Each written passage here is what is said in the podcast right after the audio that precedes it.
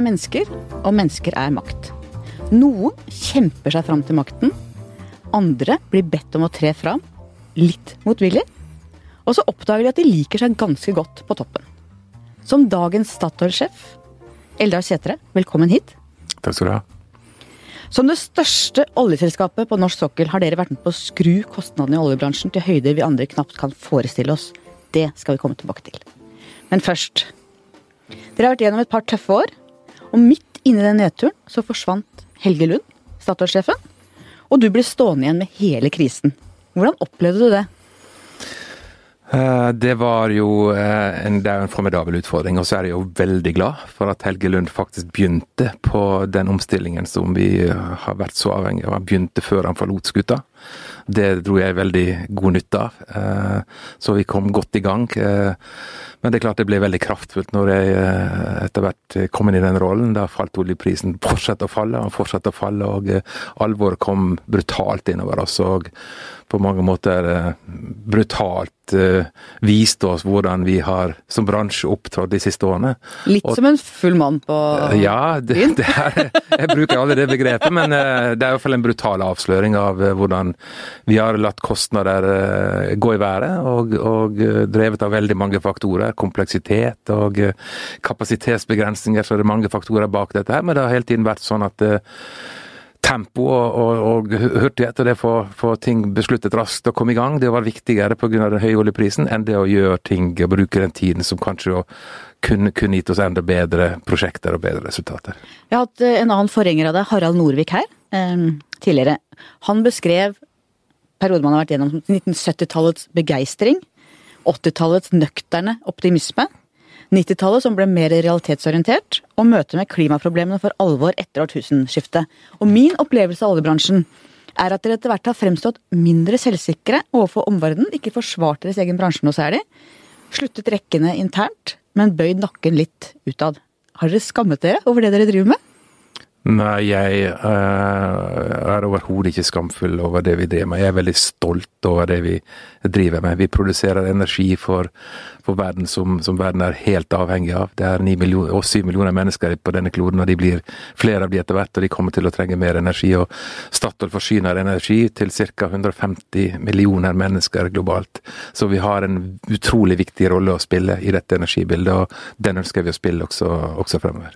Men hvorfor har dere ikke f.eks. arrangert debattmøter med miljøorganisasjonene, hvor dere har gått inn i det som er vanskelig, men også forsvart dere sjøl og oljens plass der vi, det er nødvendig? Vi, vi stiller opp i hvilken som helst diskusjoner med, med hvem som helst. og Det gjør vi, og da i første rekke knyttet til når vi har våre scenarioer og det vi kaller energiperspektivet for fremtiden. Da har vi utviklet de, og de tar høyde for all den usikkerheten og de ulike synspunktene vi kan se rundt fremtiden. Og, og vi har et scenario der som, som, som, legger til grunn veldig dramatiske, kraftfulle forutsetninger, som, som da skal ta oss i retning av et to, tograderssamfunn. Så, så vi, vi, går inn i hvilken som helst debatt. Åpenhet og det å la seg utfordre, men det å også stå oppreist i forhold til de synspunktene vi har som industri. Men er dere offensive nok i forhold til rollen deres?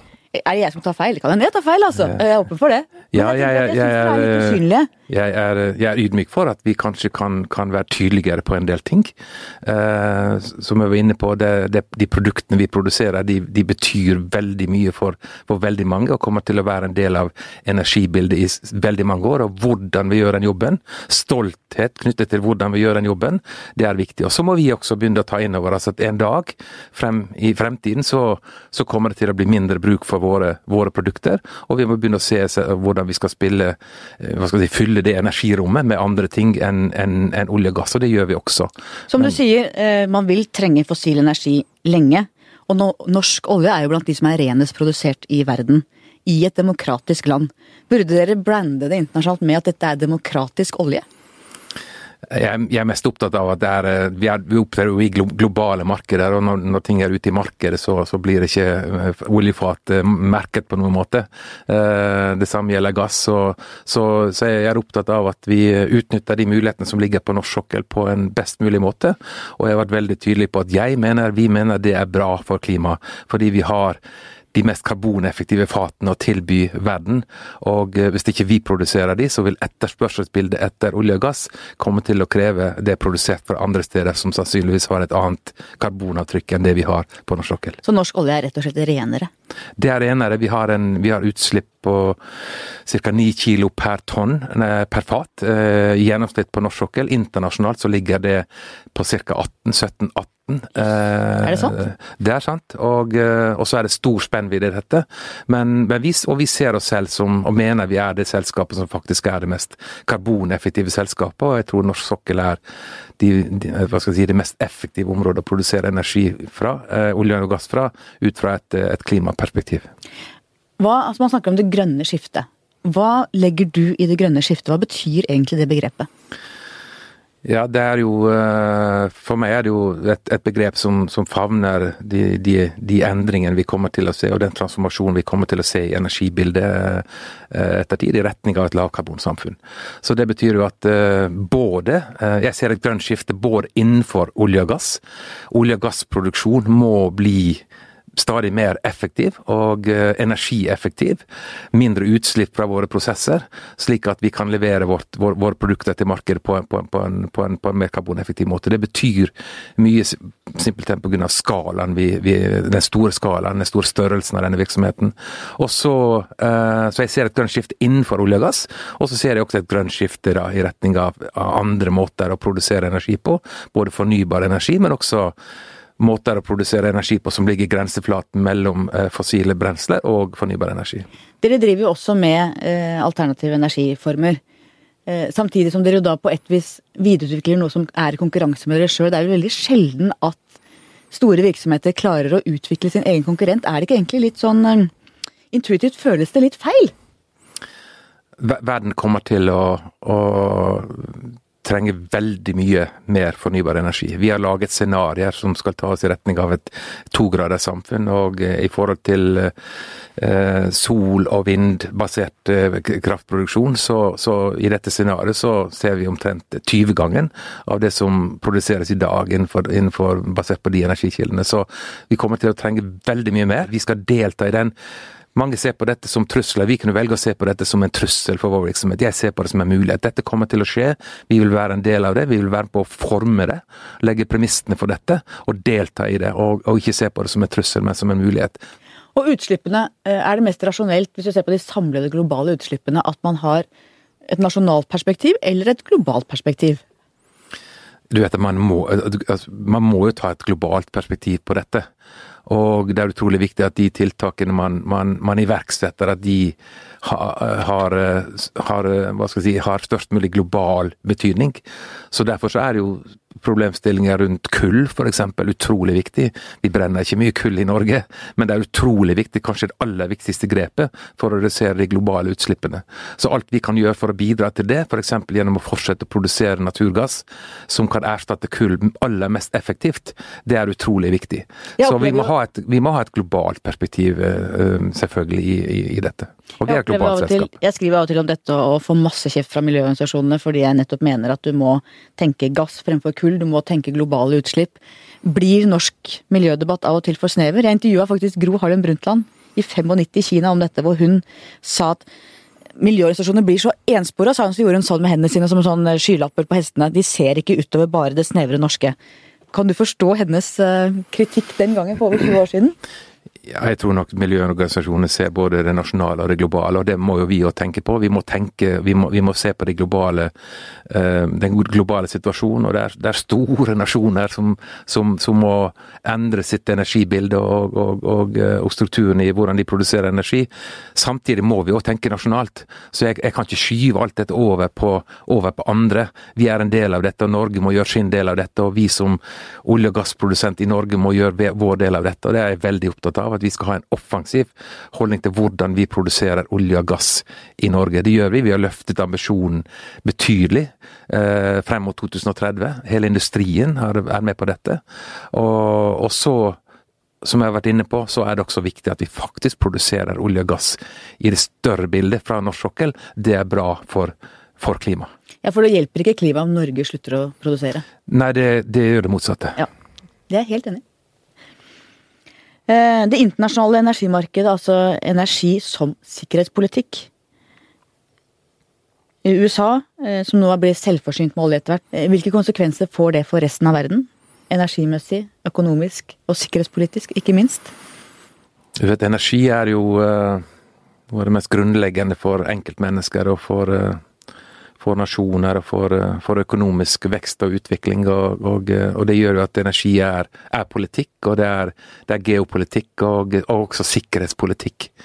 Så, så det at hva skal jeg si, det, det, mest grunnleggende for meg er at energi faktisk er tilgjengelig og flyter gjennom effektive markeder globalt.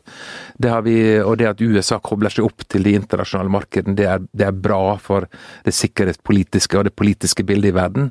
Eh, vi ser det samme i Europa, f.eks. Eh, man ser eh, hvordan Russland opptrer i ulike sammenhenger, og ønsker da å gjøre seg mindre avhengig av gass. Hvis man gjør det, så gjør man seg mer avhengig av russisk gass. Det er den beste medisinen for for å skape energi sikker energiforsyning til Europa er faktisk å ha flere kilder å spille på. Det betyr Norge? Det betyr Norge, det betyr eh, flytende gass, LNG. Eh, det betyr eh, Nord-Afrika.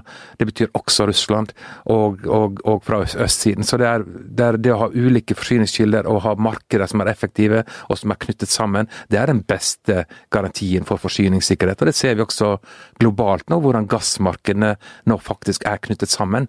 Tidligere så var gass et maktmiddel i verden. Eh, gassmarkedet er nok knyttet sammen gjennom flytende LNG, og, og eh, markedene er nesten helt homogene på tvers av alle kontinenter.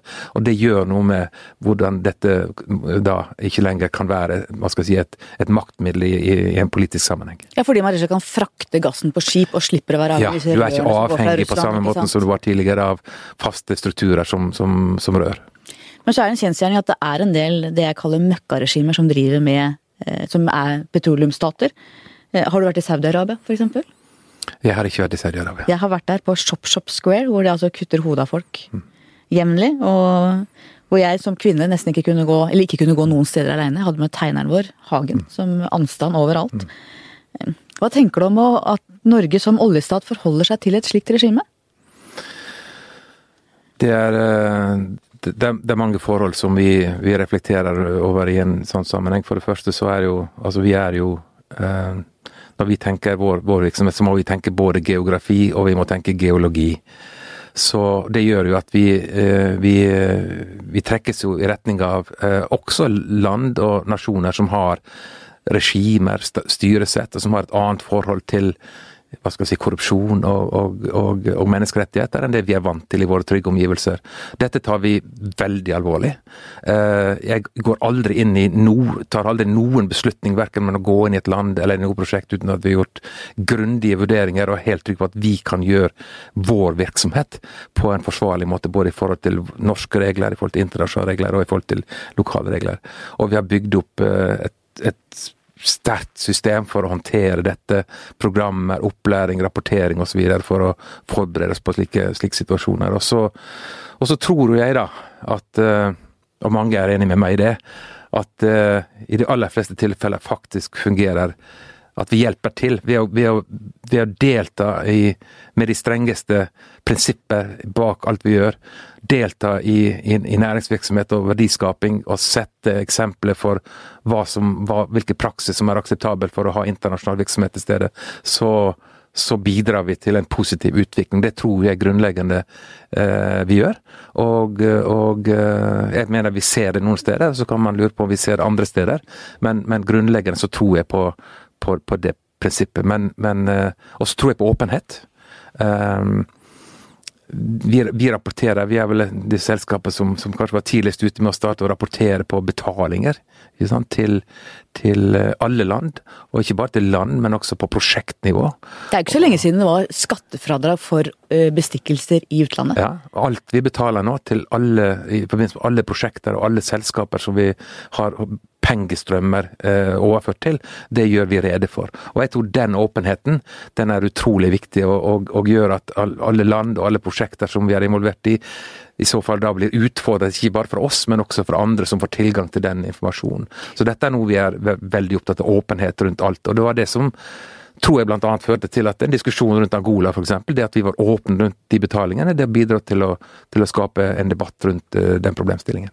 For det er en balansegang uh, når man går inn i den type regimer, i hvilken grad man, som du sier, bidrar til både ved eksempelets makt og ved å ha lokalt ansatte som lærer si, det som er vanlige verdier i norsk arbeidsliv, versus det å være i land og da også sementere maktstrukturer og støtte det sittende regimet. Det er ikke noen enkle avveininger nødvendigvis, det. Ja, dette er dilemmaer. og eh, så, så, så, det begynner jo med at vi må føle oss helt trygge på at det vi gjør, det står vi på trygg grunn. At vi har en organisasjon og har in, si, institusjonene internt på plass kunnskapen og varsellampene på plass, og, og, og at røde trekanter kommer opp når, når med en gang vi ser dem, og håndterer det tidlig. Men så ser jeg, jeg var i Brasil her for et par uker siden, og brukte en uke der borte, og det å se vår organisasjon der borte i Brasil, som er utsatt for en av de tøffeste korrupsjonssituasjoner som, som man kan komme borti, og, og i møte med et selskap som er midt oppi dette, Petrobras. Og det å oppleve hvordan vår organisasjon, 90 brasilianere, faktisk eh, hva skal de er, jobber med dette. Hvor seriøst de jobber med det. Hvor de er reine? De av det. De er, vi, er, vi, er, altså, vi, er, vi er så sikre vi kan bli på at vi er reine. Og det å ha liksom Og det å oppleve hvordan Petrobras faktisk ser til et selskap som oss jeg møtte også presidenten i, i, i, i Brasil, og opplevde hvordan de omtaler liksom Norge og Statoil som et forbilde i forhold til, til det de må rydde opp i. Eh, og korrupsjon er en av de sakene de må rydde opp i. Det, er, det, er, det gjør noe med liksom hvordan man ser på slike, slike, problemstillinger. For det er underlig hvis du ser på de aller fleste land som får store naturrikdommer, olje, gull. Det går jo fryktelig gærent. Eh, oljeministeren i Venezuela sa jo på 70-tallet omtalte oljen som djevelens ekskrement. Og Venezuela har jo gått fryktelig gærent med. Mens Norge har jo faktisk klart, antagelig fordi vi var et demokrati før vi fant oljen, og fordi vi var et likhetssamfunn, ikke klassesamfunn, ikke adelskap. Vi har jo fått noen gaver i dette landet. Nå har du vel brukt de to, de to mest ekstreme eksemplene. Det er klart Brasil, nei, Venezuela er jo et eksempel på et land som, som på ingen måte har klart å håndtere dette, eh, av ulike grunner. Og, og sitter i en fortvilet situasjon til tross for enorme ressurser som landet faktisk eh, forvalter. Norge er det motsatte. har klart å, Og Norge blir jo sett på som en nasjon ute i verden, og det møter vi nesten overalt vi ferdes. En, en, dyp respekt for hvordan Norge har organisert virksomheten, eh, også inn mot skatteregimer, hvordan de har insentivert, og hvordan de har klart å ivareta disse ressursene, og ikke minst ivareta inntektene gjennom, gjennom, eh, gjennom den, den, delen av politikken. Så en dyp respekt for, eh, for, for hvordan Norge som nasjon, og også vi som en, et selskap i dette, da, har, har, har spilt disse rollene. Vi må snakke om kostnadene. Vi var så vidt inne på det. Det har også vært eh, en uvettig pengebruk. Eh, byråkratier som har est ut. Ting som koster ikke noe hvis det skal bygges på land. Koster mange hundre tusen til sjøs. Noen mener at fusjonen mellom Hydro og Statoil var en tabbe.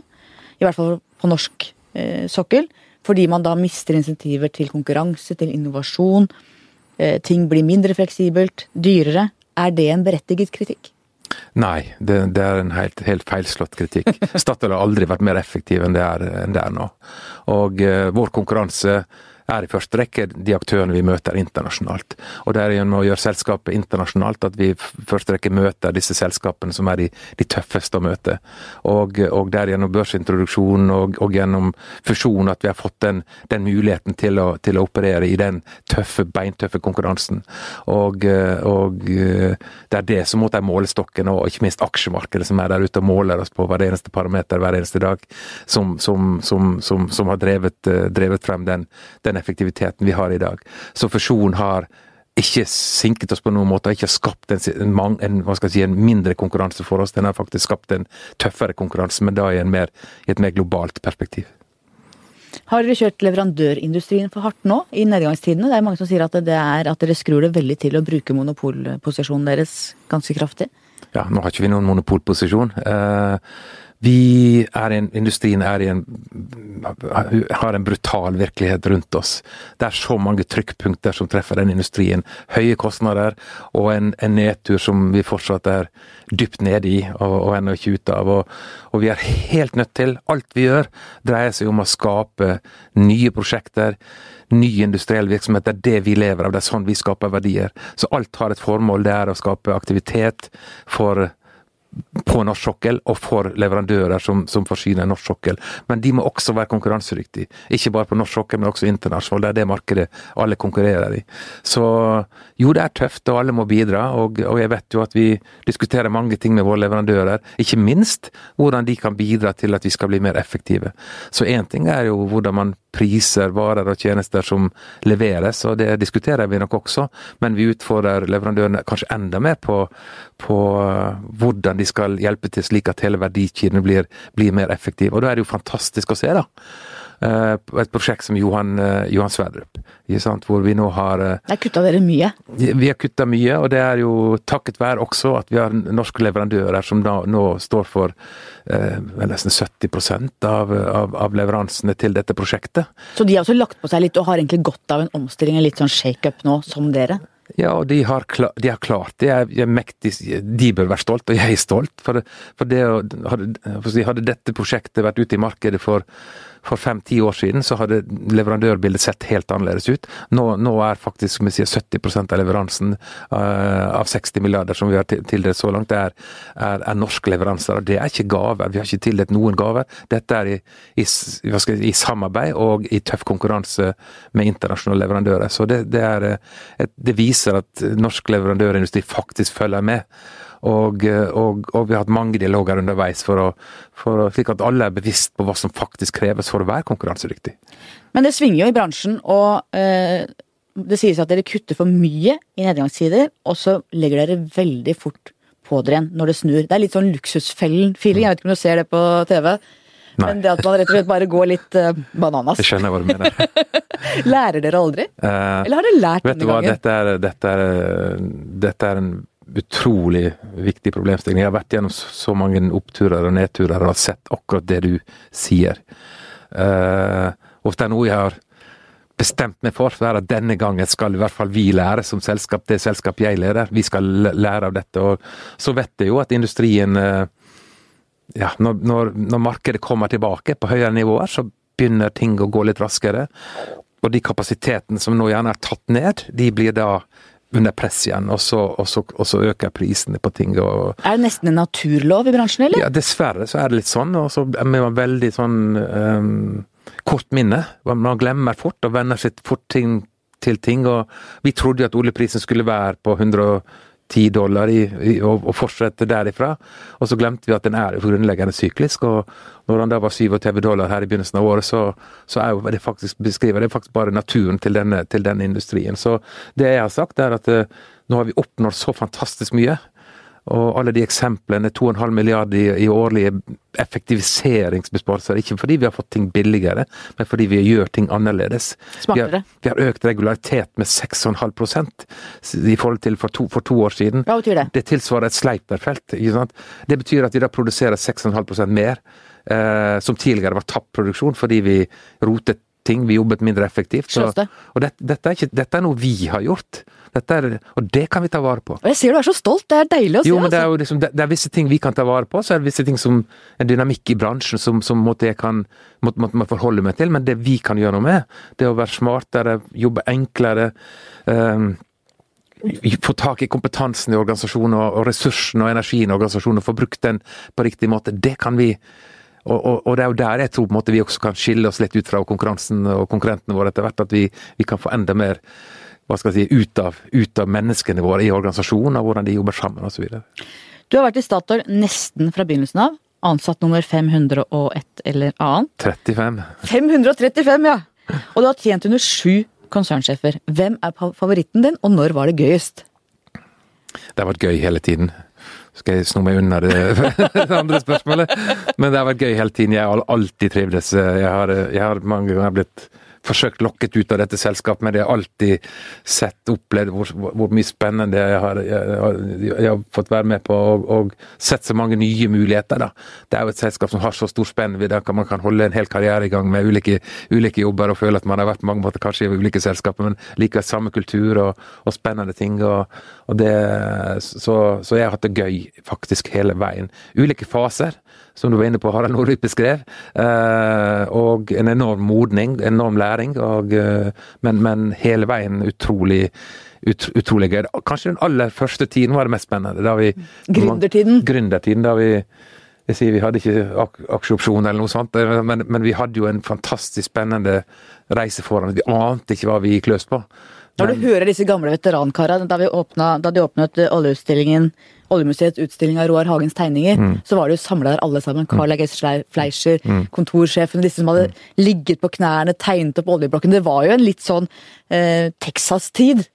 Fantastisk. Og hva noen få mennesker gjorde for å sikre eh, ja. Norge en formue, det er helt ja. fantastisk. Det er en utrolig ja, historie. Det er jo fantastisk. Og alle, alle de menneskene som var de pionerene som virkelig tegnet opp eh, på si kartene og, og, og, og grunn, grunnriss i hvordan dette systemet skulle etableres, de var jo på mange måter langt forut for sin tid. Ja. Og det nytter vi godt av, eh, vi godt av eh, på, på, alle måter. Så, så jeg, jeg, har en enorm respekt for de menneskene som var med å forme dette tidlig. Og så, og så er det jo sånn selv de, og selv jeg de først, jeg ante ikke hva dette kom til å bli. ikke sant? Det er jo en utrolig, utrolig reise. og, og, og, og transformasjoner underveis, endringer underveis, men hele tiden på en måte nye muligheter. Og, og, så har vi hatt et system under dette som har støttet opp og faktisk har skapt, gjort det mulig for selskapene å, å, tenke videre og tenke nye muligheter og tenke innovasjon osv. Du starta som 24-åring. Det er faktisk samme alder som jeg starta i VG som 24-åring. Er vi helt fantasiløse som ikke har funnet på noe annet, eller har vi bare vært veldig veldig heldige i valg av arbeidsplass? Um, jeg hadde mange muligheter da jeg gikk ut fra skolen. Jeg valgte Statoil fordi det hørtes jo litt veldig spennende ut, men jeg ante ikke hva det var egentlig. Jeg måtte bare finne litt ut av dette. Så sånn sett det var nok mer et uh, jeg, jeg, opplever meg så heldig. Jeg, jeg er utrolig privilegert.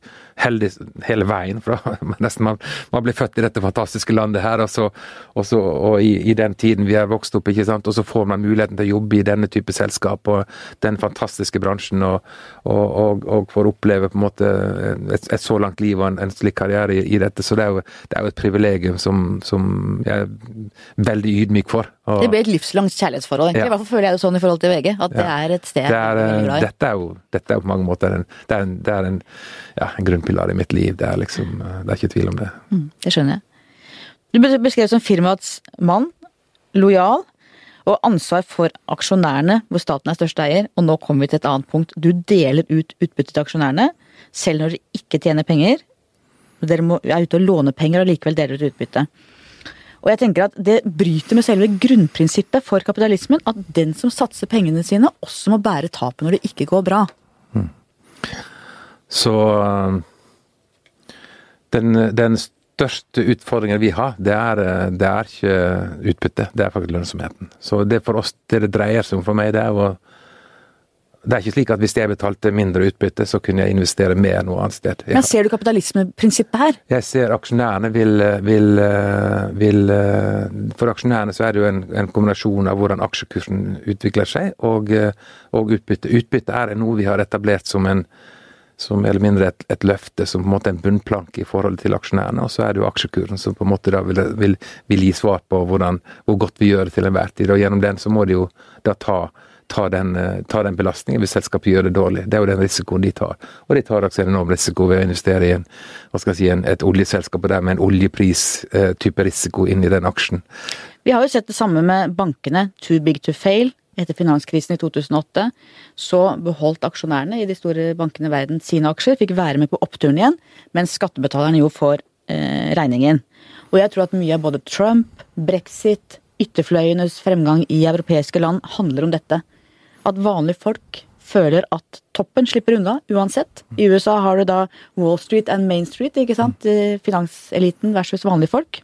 Og alt dette er jo langt unna det du vokste opp i. Mm. Du vokste opp på Sunnmøre, mm. i Vartdal. Mm. Fortell om hjembygda di. det, ja, det er en bygd på ca. 1000 innbyggere, så, og det, det tallet har vært nokså stabilt nokså lenge. Ja. Det er fisk og, og jordbruk og litt, litt, industri. Og så er det fjord på den ene siden og fjell på den andre siden. Så et fantastisk sted å vokse opp. og, og fritt og natur på alle sider og naturressurser alle steder. Så og, og, og, eh, hva skal jeg si, dette er jo Sunnmøre, så, så, så, på en måte det er jo en del av litt den sunnmørske eh, ånden i forhold til det å skape ting og, og kreativitet og se mer muligheter enn trusler, kanskje, og, og, nøysomhet. Var det et klassesamfunn? jeg opplevde ikke dette som et, som et, klassesamfunn. Alle var engasjert i alt som skjedde. og Selv om vi hadde eh, redere som, som, eide båtene, så var alle en, en, del, av, en del, av, dette. Og, alle hadde de samme si, de samme avhengighetene, på en måte. Så, så jeg opplevde ikke dette som et, eh, som et, som et klassesamfunn. Faren din var snekker? Drev ja. sitt egen, sin egen lille bedrift? Mm. Fortell litt om faren din. Han var jo en uh, som, som, ligner veldig mye på meg, når når personlighet og, og en, en, arbeidsmann i første rekke. En hardt arbeidende arbeidsmann som måtte jobbe for å beinhardt for å, for, for å betjene liksom, familien og, og ungene og, og, og, drive oss frem og gi oss muligheter. Da. Det var nøkternt? Så, det var nøkternt. Det var et det var, det var, det var mye hardt arbeid. og min, det å min mor eh, var, var, en viktig del av det å få dette til å, til å henge sammen. Hva slags type var hun? Et fantastisk menneske. Eh, det er det, er det mest fantastiske jeg eh, det, den, ja, det er på alle måter. Så hun lever fortsatt og, mm. og er 97 år nå og er liksom snart 97. og det er det å, det å treffe henne og, og, komme hjem der og bli inspirert, og det, det, er, det er fantastisk. Er hun stolt av deg? Uh, man sier kanskje ikke så mye sånn på Sunnmøre? Nei, man sier, man, det, er, det, er sånne ord som man liksom ikke bruker så mye av. Uh, så leste man litt mellom linjene, på en måte, og jeg, jeg tror nok hun er det. Hun er det ja. Du jobbet mye som barn. Snekret, bar stein, jobbet på fiskebåter, losset fangst. Hva lærte du om livet fra barndommen i Vartdal?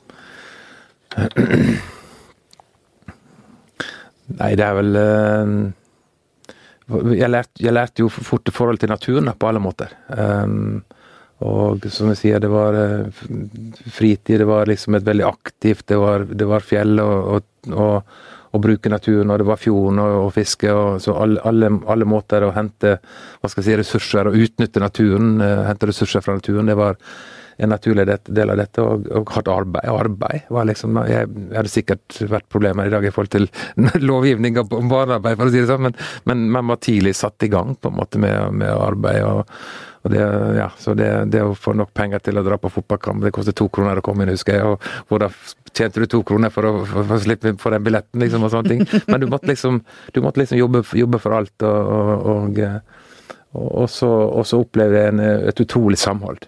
I, i, i, hva samhold betyr, da. Og, og, det å spille sammen og hjelpe hverandre i, i vanskelige situasjoner. Eh, naboen og, samfunnet generelt. Det var eh, Alle kjente hverandre, og, eh, og eh, betydningen av det var, var ja, noe jeg også har hatt med meg siden. Du var yngst i en stor søskenflokk. Var du litt bortskjemt? Uh, det vil kanskje de, de, de eldste si. Jeg var, det var vel sånn at ting ble jo, ting ble jo liksom litt, litt bedre etter hvert. For, og, og, og dette over, flere år, så det er klart de de som var født eh, under krigen, for å si det sånn, vil nok si at jeg, jeg hadde noe, noe, noe, bedre som var født noen år senere. Og, eh, men uh, jeg, jeg, jeg, var aldri bortskjemt. Men, men, foreldrene ga, ga, meg all den hjelp, alt, alt de kunne av hjelp. Og uh, med de begrensningene som selvfølgelig lå i det, men alt de kunne. På alle måter. Så, og du var den uh, første i din familie som tok høyere utdanning? Ja, jeg har, jeg har Det kommer an på hva man definerer som høyere. Jeg har en søster som er lærer, og en som er sykepleier. Så jeg, så jeg har Det er, det er, det er, det er flinke og, og, og, og, gode mennesker i, i, i, i min søskenflokk, så Men uh, jeg, jeg, jeg, var iallfall den første på Handelshøyskolen som, som gikk den veien, da. Hvordan var livet som bondestudent i byen? Uh, nei, det var jeg, jo, jeg, har vel tidligere beskrevet meg selv som litt, litt, litt beskjeden, og, og, litt sånn, og det er nok litt personlighet, men det er jo klart å komme fra litt den type, den type miljø som jeg kom fra, var jo var, var liksom ikke veldig, veldig, veldig foroverlent for å gjøre mest mulig ut av meg. Uh, så man blir jo litt, sto, sto, si, litt store øyne og litt imponert over ting, og hvordan forholder man seg til, til, til, til de store tingene og, og ting som, ja, som, som var litt fremmed. da. Så det å komme til byen og Bergen var liksom det første. Det var, det var ja, litt sånn ikke skremmende, men det tok litt tid å venne seg til det og liksom gå litt varm i, i de, de, miljøene, da. Men det er en stolt tradisjon. Du har Svein Gjedrem, som er fra Finnøy, der hvor jeg har min farsslekt. Ja, ja. Du har Solstad. Du har en del av de veldig smarte ja. eh, bondegutta og jentene som kommer inn til byen og gjør det skært. Ja, jeg har i hvert fall aldri opplevd at min bakgrunn etter hvert på noen måte har, har hindret meg i å, å, utvikle meg selv på noen måte, så, så det, Men hva tenker du om forholdet mellom by og land, kulturelt, sosialt? Nå har jeg bodd i by selv i så, så, mange, så mange år, så Men hva er hjemme? Er det Vartdal, eller er det byen? Nei, nå, ja, det er et godt spørsmål. Uh, hjem er nok faktisk på mange måter fortsatt Vartdal. Er klart, jeg, jeg, det, å, det, å, komme tilbake der, er liksom eh, Da er jeg hjemme på, Grunnleggende sett hjemme der, på en måte, så, så Og da, da ja, da faller alt på plass, på en måte. Men uh, så, så byen er nok fortsatt et noe jeg liksom på en måte har ikke distanse til, men har et litt, litt annerledes forhold til en jeg, jeg, jeg, vil, jeg tror jeg trives fortsatt bedre i en landlige omgivelser og med natur og, og, og som jeg sier, natur, hva skal jeg si, fiske og muligheter. og Når jeg er på hytta og sånn, så, så, opplever jeg det. Der kommer jeg vekk, og der kommer jeg liksom vekk fra byen. og, og det, er, det, er, deilig. Da senker skuldrene på, på en utrolig måte. Så. Jeg har en far som, da, som sagt er fra Finnøy, på Vestlandet, bibelbeltet. Han har bodd i Oslo hele sitt voksne liv, men jeg tror fortsatt han definerer oss byfolk, inkludert meg, som de andre. Ja. Det tror jeg han alltid kommer til å gjøre. Ja. Går det egentlig fordommer begge veier? Altså Jeg mener å se en slags selvbevissthet blant sunnmøringer særlig. Vi har en tegner her i avisa som er fra Ørsta, som går ut på at det er på Vestlandet, helst på Sunnmøre, at verdiene skapes. Og at vi andre i storbyene, vi bare bruker. Samtidig som jeg ser en slags trass, fordi mange av sunnmøringene og andre mener at oslofolk tror at de vet best, og egentlig ser ned på folk fra bygda. Kjenner du igjen noe i det bildet jeg tegner her? Jeg har i hvert fall hørt det. Og, og, og det, er nok, det, er nok, elementer av det som jeg, som jeg, kjenner meg litt igjen i. for å si sånn. Jeg ser jo litt i en del diskusjoner man kommer, kommer østpå, kommer inn i, i miljøet her, så, så, så, er nok liksom forståelsen for, for en del av de tingene som er hva skal jeg si, viktig for å skape verdier. da, Og liksom betydningen av f.eks. olje- og gassvirksomheten og det som og hvordan dette skapes, og, og, og eh, er, nok litt mindre enn om man er vestpå og, der, og er midt oppi det, på en måte. Så, så, det er et eksempel på at det liksom er hva skal jeg si, kunnskapen og forståelsen av hvordan det skjer, hva som er nødvendige forutsetninger og uh, hvordan man skal ta vare på det, er, er, nok for, er, nok noe forskjellig. Men samtidig tror jeg nok dette er litt overdrevet. da. Ja da. Så, det er litt karikert, men det er litt gøy, da. Sette ting på spissen er sikkert litt gøy å, å reflektere over. Så jeg er nok eh, ikke helt fjern for, for, å, for, å, for å, se dette, hvordan den type hva skal jeg si, hva skal jeg si, motsetninger kan konstrueres. Da. Mm. Du beskriver deg selv som innadvendt, og gjennom årene har du prøvd å jobbe med deg selv. Hvordan har du gjort det?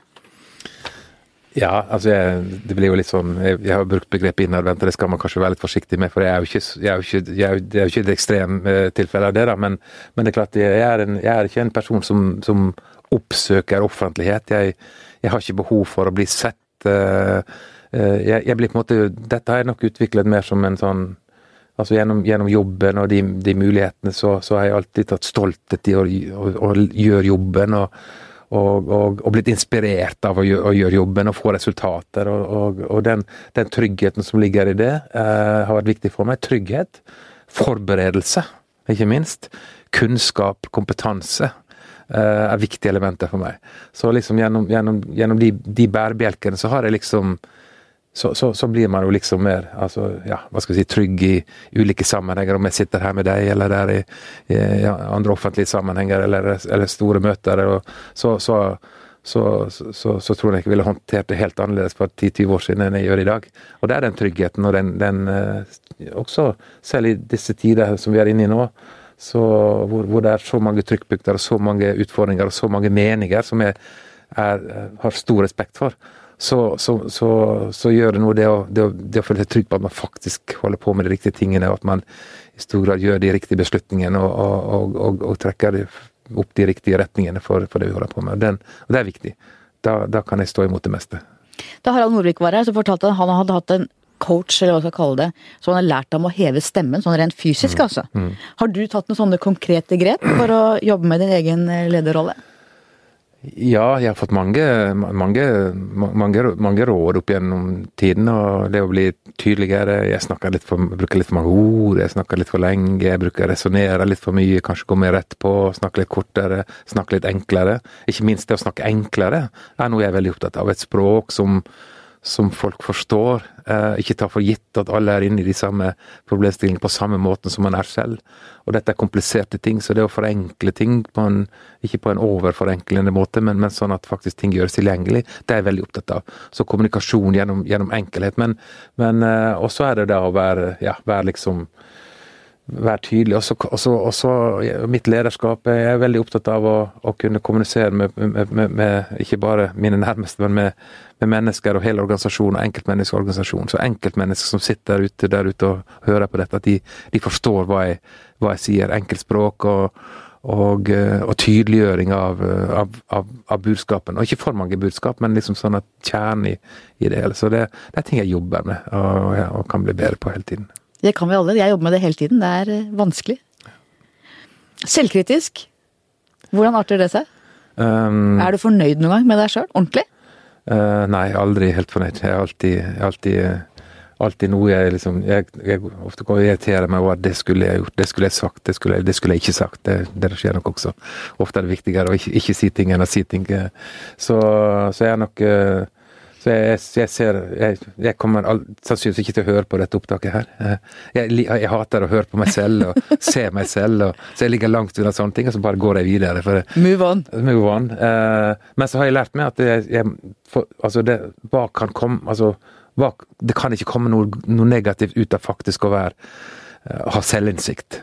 Og i mitt lederskap, særlig i mitt lederskap, da, så har jeg åpnet opp på jeg, jeg, jeg, vil høre hvordan, hvordan Er det noe jeg kan gjøre bedre? Er det noe jeg kan annerledes? Er det synspunkter på dette? du er ikke redd for kritikk? Nei. Og det har, det har jeg lært meg. Det, jeg var redd for det tidligere. Det gikk inn i meg. Jeg ble nesten tatt av det på en måte og satt ut. Eh, det, det har jeg liksom det har jeg bare lagt bort. Og det er jo kanskje litt av modenheten og erfaringen og tryggheten som gjør det, men, men samtidig det å For jeg har aldri opplevd at, at jeg får hva skal jeg si, kritikk, kritikk som er ondt ment. Kritikk er faktisk nesten alltid positivt og godt ment.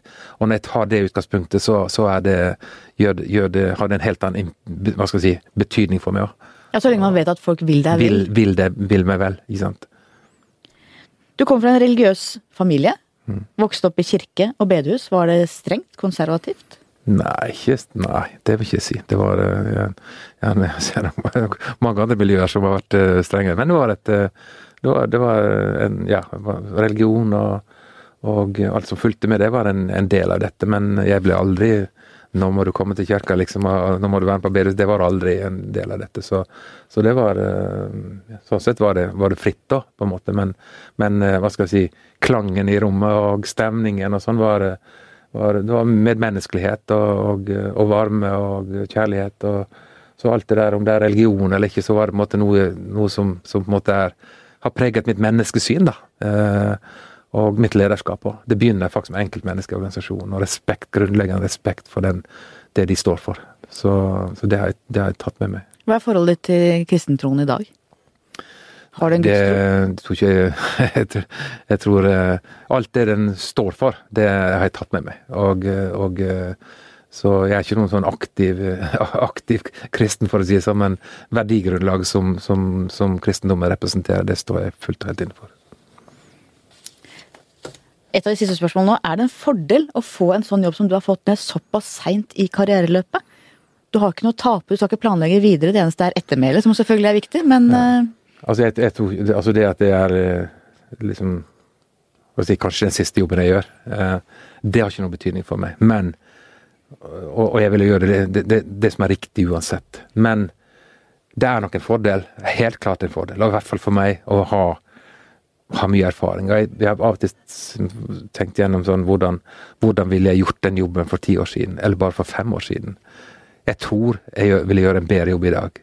Har, det å bygge de ulike elementer av erfaring og observasjoner rundt lederskap, få praktisert det, få prøvd det ut. Eh, jeg fikk en mulighet av Helge Lund til å, til å lede Jeg var jo sågar CFO, økonomi- og finansdirektør, i, i mange år så satte han meg over til å lede en, en, en tøff forretningsenhet. da, og Hvor jeg fikk virkelig fikk prøvd ut mitt lederskap og måtte alltid ha tenkt og opp, utviklet igjen, og tanker utviklet gjennom årene. Og, og, det ga meg en veldig stor, veldig viktig erfaring. Eh, hva som fungerer, hva som ikke fungerer, hva som, hva som engasjerer, og hva som, får, hva som skaper resultater. og så det å ha med seg ulike elementer av erfaringer, da. Mest mulig. Og jeg ser mange her litt sånn i dag er litt så utålmodige. De skal raskt opp og raskt inn i tunge posisjoner. og Jeg prøver å si ta det med ro. liksom ta det med ro, altså Du, du, du kommer til å du, du, kommer der, kanskje, ikke sant, hvis jeg kan si det. Og, og, og jo mer du har av erfaring, jo tryggere blir du, og jo mer hva skal jeg si, gjennomslag får du, og jo mer tillit klarer du å skape til det du ønsker å oppnå. Så, så, jeg, så for meg har det vært viktig å ha, å ha mye erfaring bak meg. Men du virker ikke som en mann som har hatt en aktiv karriereplan om å nå toppen i Statoil. Er det en fordel å tenke at man må gjøre en best mulig jobb der man er leve i øyeblikket også i arbeidslivet? Er det et godt karriereråd ja, til ja. Ja, det, de som drømmer om å bli Statoil-sjef? Ja, det, er en, det er en veldig fin måte å si det på, for det er faktisk det, det tror jeg det er det beste rådet. Ikke tenk på ikke, ikke, ikke, jeg har aldri, jeg aldri og aldri altså, Det er alltid at det blir trukket inn i ting, på en måte. ikke sant? Og min forrige jobb var Helgelund, som måtte sparke meg av gårde. Ja, men jeg har det så greit der jeg er. Jo, og så tenker jeg jøss, det var smart, ikke sant. Men, men det var, ettertid så var det bare så, så, så, så nyttig å få opplevd nye muligheter og få bruke alt man hadde satt inn i en ny kontekst. Og, så jeg tror liksom det å ta konsentrere om det du, det du, der du er, på en måte. ikke sant? Gjøre en best mulig jobb, og så er du god nok, eller andre ser at du er god nok, eller mener du er god nok, så, så kommer kommer muligheten. Og så tror jeg det er viktig også for så vidt å ha Det er ikke noe galt i å ha ambisjoner og ønsker om, om og sånn, men, men, fokus må være på der du er. Måte, og, og, så får liksom resten komme etter hvert. Og, og så får man stole på at uh, de rundt deg på en måte gjør det mulig etter hvert, da, hvis det, er, uh, hvis det er sånn det skal være. Mitt siste, mitt faste avslutningsspørsmål. Hva skal bli historien om deg? Eldar Sætre, det var han som Det var han som uh, uh, tok Statoil gjennom den uh, vanskelige situasjonen som vi nå er i. På en slik måte at vi kom ut av dette som et enda sterkere og enda bedre selskap. Som enda bedre rustet til å tåle neste nedtur når den kommer. Og som også forberedte selskapet på en god måte for et samfunn som kommer til å bli et lavkarbonsamfunn. På vegne av eierne sier jeg takk for det. Takk skal du ha. Tusen takk for at du kom. Takk til deg som hørte på. Vi blir glade hvis du også deler oss i sosiale medier. Takk til vår faste produsent, Magne Antonsen. Vi høres igjen neste uke.